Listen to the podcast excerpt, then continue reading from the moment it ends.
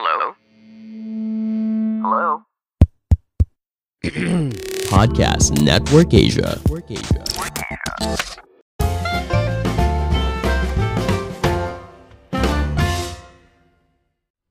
Halo semuanya, kembali lagi bersama saya Madianto. Kali ini kita akan membahas tentang cara bahagia dengan uang yang seadanya. Beberapa orang fokus dengan tujuan hidup mencari uang sebanyak-banyaknya agar bahagia. Benarkah uang itu penentu segalanya? Bahkan kebahagiaan. Pada kenyataannya, uang memang memegang peran dalam menentukan kebahagiaan. Tapi disebutkan dalam sebuah penelitian bahwa terlalu banyak uang justru bisa mengarahkan pada banyak hal negatif. Ada baiknya dirimu lebih bahagia dengan uang yang tak seberapa. Bagaimana caranya? Yang pertama, banyak bersyukur. Daripada banyak mengeluh, lebih baik mensyukuri apa yang sudah dimiliki dan didapat saat ini. Ada banyak orang yang mungkin tidak seberuntung dirimu saat ini. Sadari bahwa memandikan diri jangan hanya mendongkak ke atas, tapi juga ke sekitar. Jangan terlalu mendramatisir segalanya. Lebih baik bersyukur dengan yang kita miliki saat ini. Kedua, fokus meningkatkan kelebihan. Apakah kamu tidak puas dengan penghasilan saat ini? Asah lagi kemampuanmu agar punya kualitas yang lebih baik. Siapa tahu ada kesempatan pekerjaan yang lebih baik. Jadikanlah pengalaman saat ini sebagai pelajaran yang membuat dirimu berkembang. Fokuslah pada hal-hal baik yang bisa dilakukan saat ini. Jangan terjebak dalam kekurangan yang membuat dirimu stres. Ketiga, memangkas pengeluaran yang tidak perlu.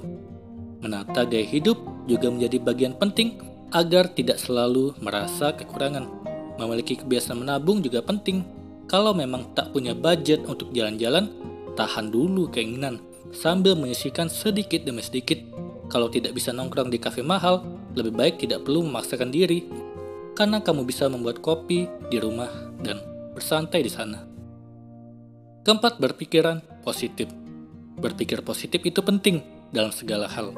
Banyak orang merasa hidup mereka gagal dan tak memuaskan karena lebih sering berpikiran negatif. Jangan mudah patah semangat dan putus asa. Pesimis hanya akan menguras habis energimu dengan sia-sia.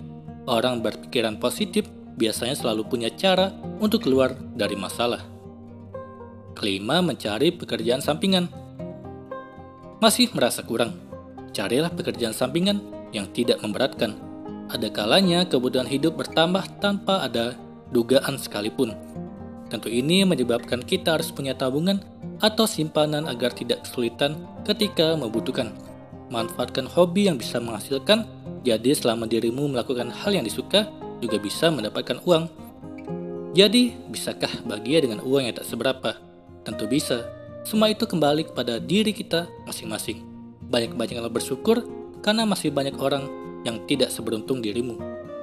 Apalagi kamu saat ini sedang menonton YouTube saya atau mendengarkan podcast saya, yang berarti kamu memiliki akses internet yang bahkan orang lain tidak bisa melakukannya.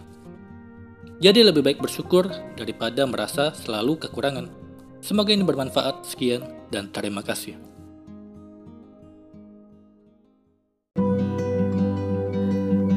Pandangan dan opini yang disampaikan oleh kreator podcast, host, dan tamu tidak mencerminkan kebijakan resmi dan bagian dari podcast Network Asia.